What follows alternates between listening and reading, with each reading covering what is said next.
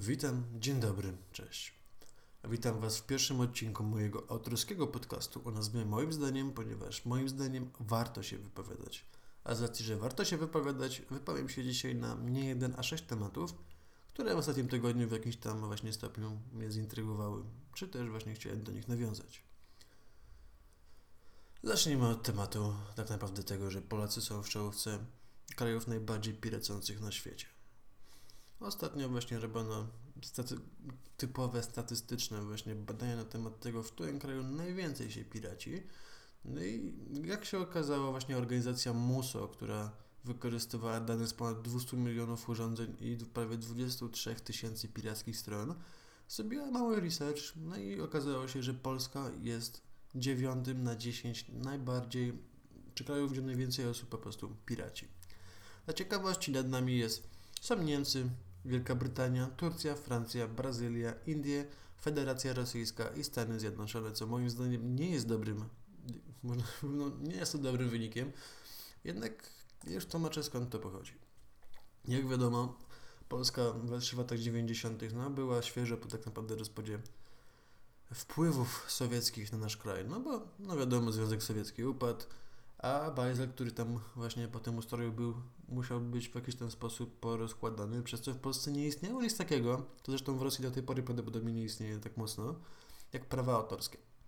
Prawa autorskie wiadomo, no może w Rosji istnieją, aczkolwiek jeżeli chodzi o twórców muzyki, no niestety tegoś, czegoś takiego nie ma. A w Polsce nie było właśnie czegoś takiego jak prawa autorskie do produktów komputerowych, przez co na różnych bazarach można było kupić dyskietki do NES-ów, znaczy się w Polsce Pegasusów, czy różnych konsol tego typu jak Amiga czy Commodore, za tak naprawdę grosze i przez to właśnie rynek się zepsuł w Polsce i firmy takie jak Nintendo czy firmy takie jak Sega po prostu uznały, że nie będą wchodziły do naszego kraju, a dlatego też rynek w jakiś sposób zmonopolizowały sobie komputery, a potem do duopolu dołączyło się Sony z własnym PlayStation, najpierw jedynką, potem dwójką, no i następnie do całego układu dołączył Microsoft, przez co sytuacja była na tyle specyficzna, że jak na całym świecie jest trójka gigantów, gdzie Nintendo jest jednym z większych firm, tak w Polsce Nintendo można powiedzieć, że jeżeli chodzi o statystyki rynku, ma śladowe ilości własnych udziałów.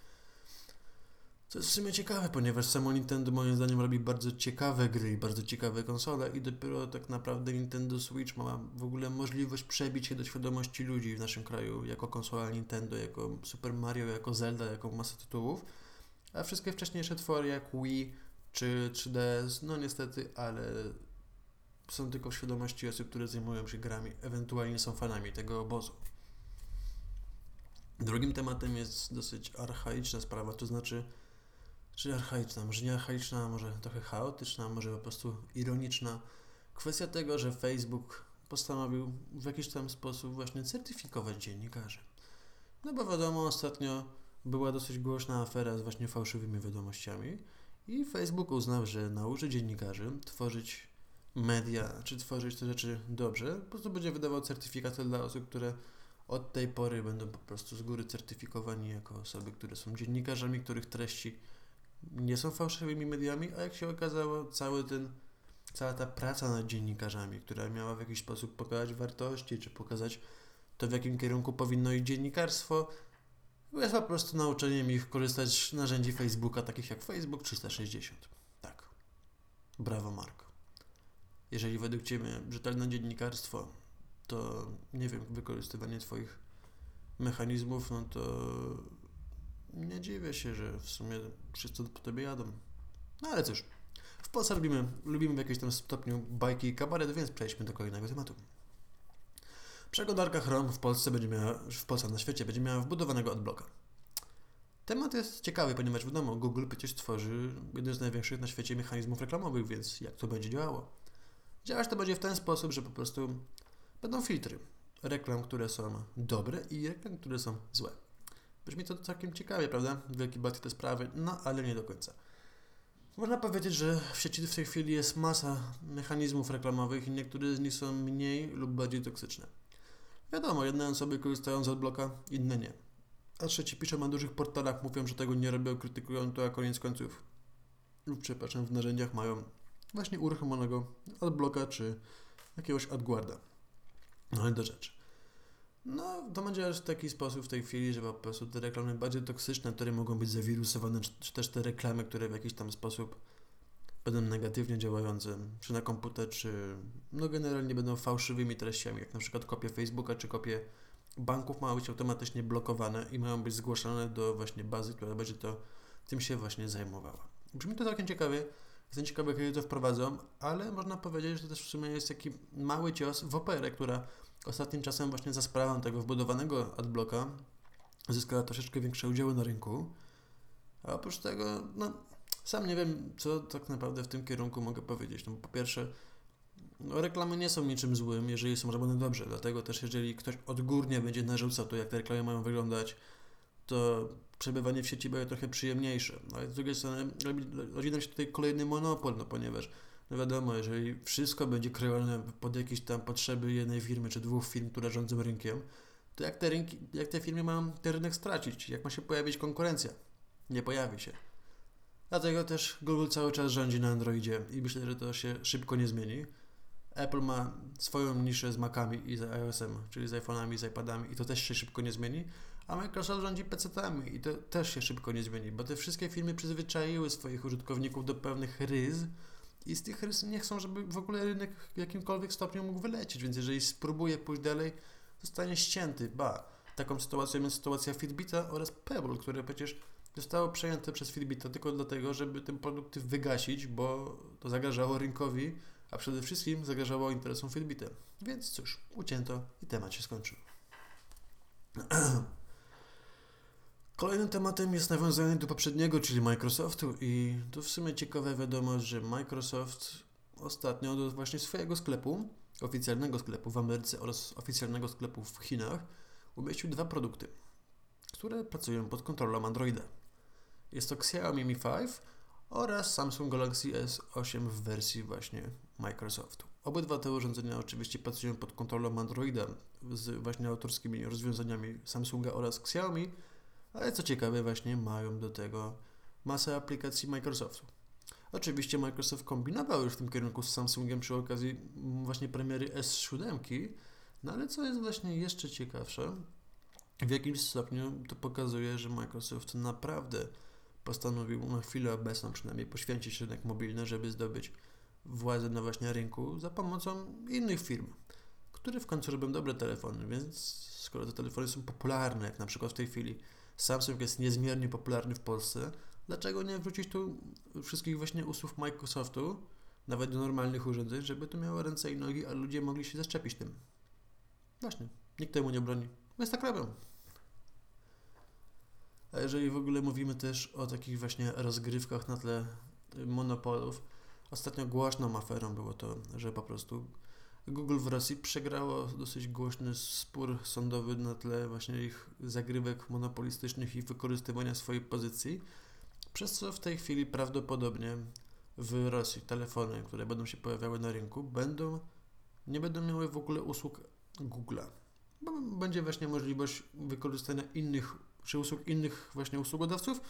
No i przede wszystkim właśnie takim priorytetem będzie w tej chwili Yandex, czyli wiadomo rosyjski odpowiednik nie tyle może Google'a, co właśnie internetu całego, no wiadomo, jak my na, właśnie na zachodzie bardziej za internet uznajemy Google i wszystkie usługi od Google, tak w Rosji właśnie tą paletkę ma Yandex. No i właśnie będzie taka możliwość, że urządzenia, które trafiają do Rosji będą miały predefiniowane wszystkie aplikacje dotyczące właśnie ich rynku, czyli Yandexu, a Google, no cóż, to troszeczkę może ich zaboleć. Zresztą wiecie, no w Chinach sytuacja wygląda całkiem podobnie, jeżeli chodzi o Google'a, a i tak postanowili coś w tej materii zrobić.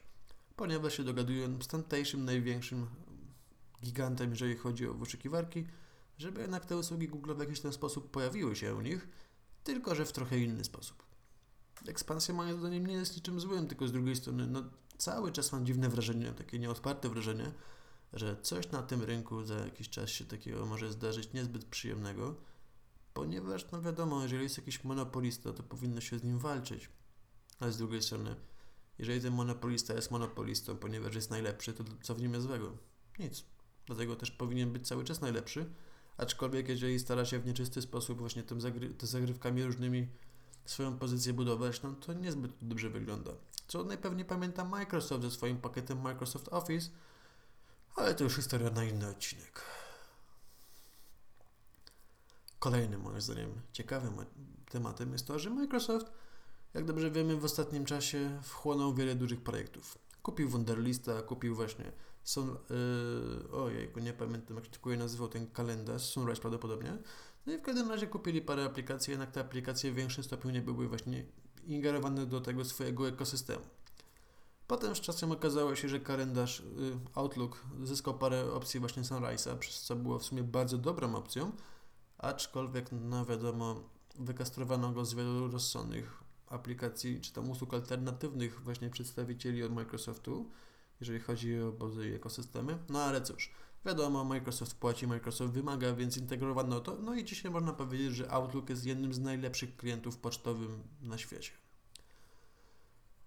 W tej chwili właśnie coś się zmieniło. Microsoft przedstawił wczesną betę, może nawet jeszcze późną alfę swojego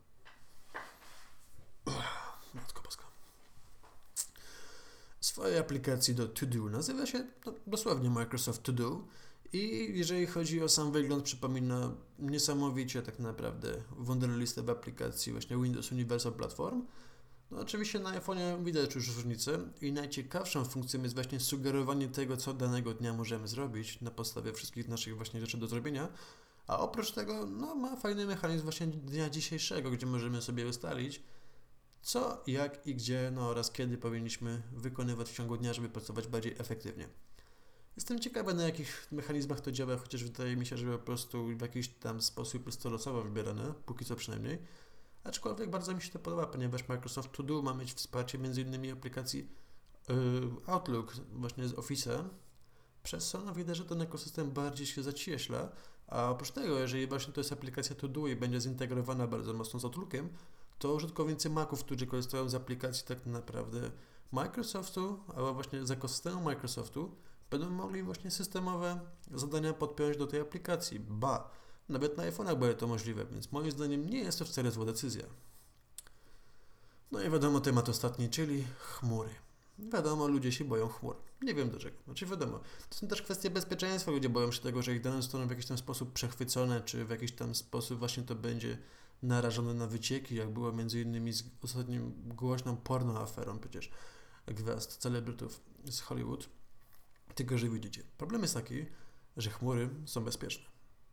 Problem jest taki też, że ludzie nie wiedzą tego, ponieważ zauważyli dosyć głośną aferę z wyciekami uznaje, że nie chcą, nie będą tego robili, ich prywatność jest zarażona. Problem jest w tym, największy problem z tych wszystkich, że ludzie, korzystając z usług internetowych, nie zabezpieczają dobrze swoich kont, swoich haseł. Często używają beznadziejnych, prostych, pojedynczych haseł, które bardzo łatwo złamać dowolnymi właśnie keylogerami i nie używają podwójnej weryfikacji, bo uznają, że a, bo to dłużej czasu zajmuje, zajmuje, przez co no nie chce nam się. Z takim przykładem spotkałem się nieraz i to jest dla mnie cholernie głupota, ponieważ no nie ukrywajmy, jeżeli ktoś zgadnie swojego maila na Facebooku, użyje keylogera, w końcu się dostanie na Twoje konto mailowe, czy tam na Twoje facebookowe i jest w stanie zrobić wszystko. A jeżeli Ty masz w telefonie oprócz tego weryfikację, więc musi potwierdzić kod, który przy ten telefon, to liczba tych prób jest ograniczona. Jest to o wiele cięższe do wykonania tak naprawdę, więc koniec końców wykorzystywanie podwójnej weryfikacji ma jak najbardziej sens. Oprócz tego właśnie konta Google czy Microsoftu oraz Apple, zależy z jakiego ekosystemu korzystamy, powinny być najsilniej chronione, a jeżeli to jest zrobione, jeżeli nasze konta są bezpieczne, to nie powinno być żadnych, żadnych możliwości w ogóle wycieku tych danych oraz, no bo wiadomo, te firmy jednak wkładają gro, ogrom pieniędzy w to, żeby właśnie te wszystkie usługi były szczelne i są, bo w ostatnim czasie nie było większej afery z wyciekiem Outlooka, czy z Outlooka z OneDrive'a, z Google Drive'a, czy właśnie z iClouda. Dlaczego? Ponieważ ludzie dbają o swoje bezpieczeństwo i to jest najważniejsze a te firmy na tym zarabiają grube pieniądze, bo jeżeli korporacje, które wydają miliony złotych tak naprawdę na gigantyczne przestrzenie chmurowe, by w tej chwili zobaczyły, że był jakiś głośny wyciek, uciekłyby. A to jest chleb dla Microsoftu i chleb dla Google'a. Nie ukrywajmy tego. Więc wracając do tematu. Nie wiem, dlaczego ludzie boją się chmur, ale wiem jedno, powinni się przestać chmur bać, ponieważ chmury same w sobie nie są złe. Oprócz tego są bardzo wygodnie zintegrowane czy z Androidem, czy z Macami, iPhone'ami, iPadami, czy też z komputerami z Windowsem 10, więc jeżeli korzystacie z chmur albo nie korzystacie, to spróbujcie, bo to jest naprawdę wygodna sprawa. Ba! Macie telefon, automatycznie macie dane w chmurze, więc nie macie problemu. Kupicie telefon, możecie na komputerze to czytać, albo na innym telefonie, więc to nie jest nic złego. Pytanie brzmi, na ile po prostu ufacie technologii, bo nie wiem, czy wiecie, ale technologia jest wszędzie i nie da się od niej odciąć. Nawet jeżeli Wam się wydaje, że się odcinacie od technologii, to technologia jest cały czas obok Was.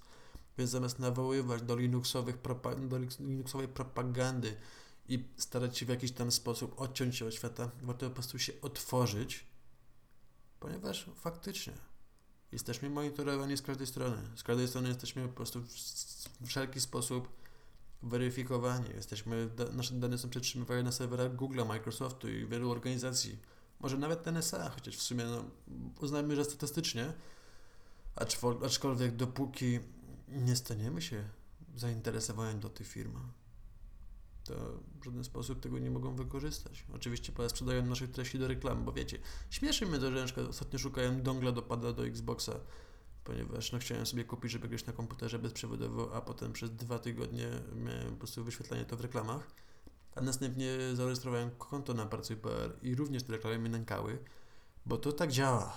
To są reklamy. Ale poza reklamami nasze dane są naszymi danymi. Jak powiedziałem, to jest interes firmy. A więc jeżeli to stracą, to będzie kiepsko. Ba. Nie wiem, czy pamiętacie tą głośną sprawę z NSA, właśnie z Organizacją Bezpieczeństwa Amerykańskiego, kiedy właśnie wyciekło, że Microsoft jest jedną z firm, która wspierała NSA, i automatycznie ta firma zaczęła robić pozwy sądowe i po prostu odcinać się od tego kata. Dlaczego? To był ich interes, więc nie gadajmy głupot, że to nie jest bezpieczne, tylko zadbajmy o swoje bezpieczeństwo przy korzystaniu z tego. A więc zabezpieczmy się dobrze. Do usłyszenia.